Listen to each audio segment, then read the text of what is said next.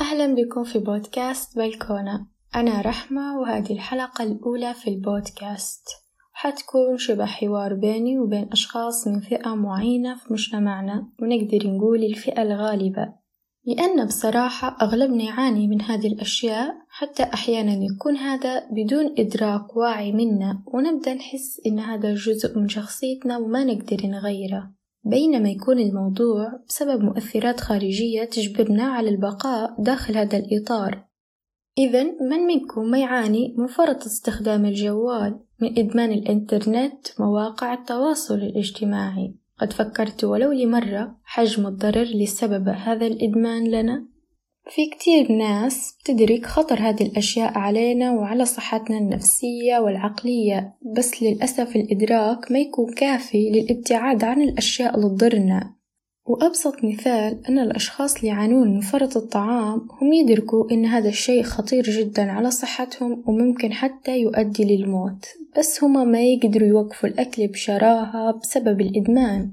وصحيح أن للسوشيال ميديا مزايا وإنها سهلت علينا التواصل وكتير أشياء بس مثل ما يقول المثل الشيء إذا زاد عن حده انقلب ضده. فلازم نكون واعيين لاستخدامنا ونكون ناضجين فكريا قدر الإمكان. عصرنا الحالي يعيش أزمة تشتت كلنا مشتتين بعيد عن الواقع.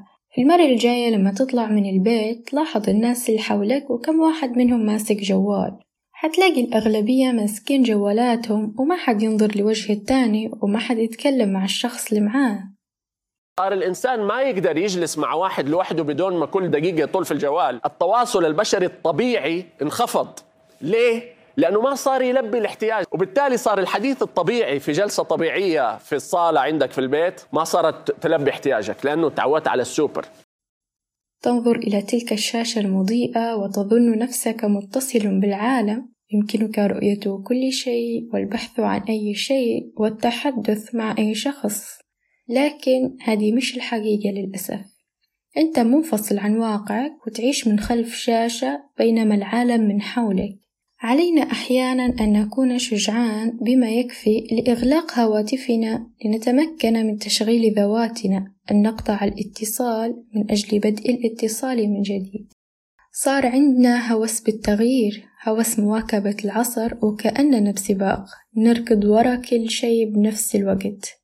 أذكر زمان قريت اقتباس في أحد الكتب وكان الكاتب يقول من يركض خلف أرنبين لن يمسك بأي منهما.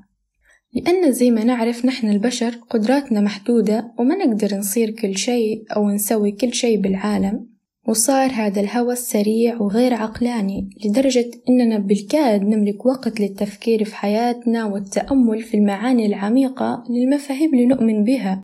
بحيث تجعلنا نفكر بسطحية. كما قال الداعية البريطاني حمزة أصبحنا كالكراسي الهزازة نتحرك كثيرا ولا نذهب لأي مكان. هناك الكثير من الأفعال ولا توجد تغيرات حقيقية في حياتنا.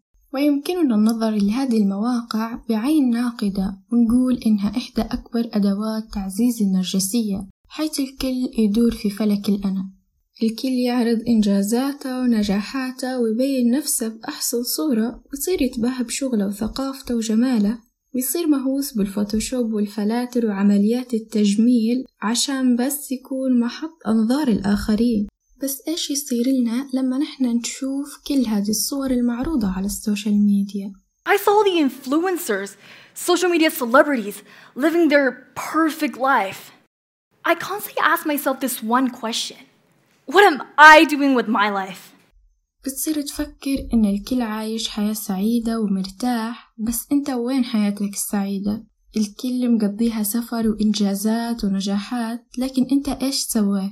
بتصير تفكر كذا وتنسى نعم الله عليك وتنسى إن مو كل شي ينعرض على ال social media هو بالضروري حقيقي. ما في أحد يعيش حياة مثالية لأن أصلا الدنيا دار ابتلاء بس ما أحد يعرض لك حياته المظلمة بال social media.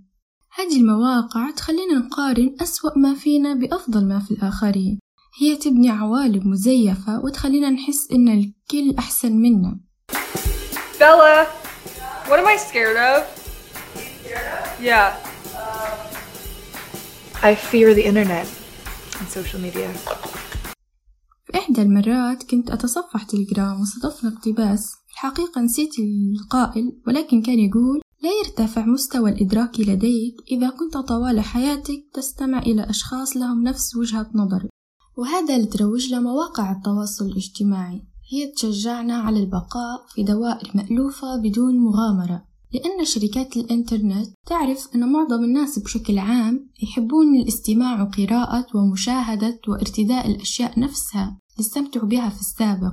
وأكيد لاحظتوا هذا الشيء. يعني إذا سويتوا like على صورة ice coffee مثلا خلاص يتسجل في خوارزميات معينة إنك تحب ال ice coffee. ويصير يطلع لك في كل البوستات. وهكذا ال social media تمنعنا من رؤية أشياء جديدة ما شفناها من قبل. وبنصير نشوف الأشياء نفسها اللي نحنا نحبها أصلا بدون ما نتعرف على ثقافات جديدة. وبنقعد بنفس الدائرة وما نكتشف حتى إن ممكن نحب أشياء مختلفة عن اللي نحبها. قد يبدو الأمر جيد في الظاهر إلا أننا نلاقي أنفسنا نكره كل من يفكر بطريقة تختلف عنا وهكذا ينتهي الأمر بنا أصحاب وجهات النظر المتشابهة في غرفة واحدة. نقرأ الكتاب ذاته نسمع الأغنية ذاتها ونعيد تغريد أفكار كتبها ناس يشبهونا. وبالنهاية كما قال ياسر الحارب ما في أحد وهو على فراش الموت. تمنى إنه قضى وقت أطول على السوشيال ميديا.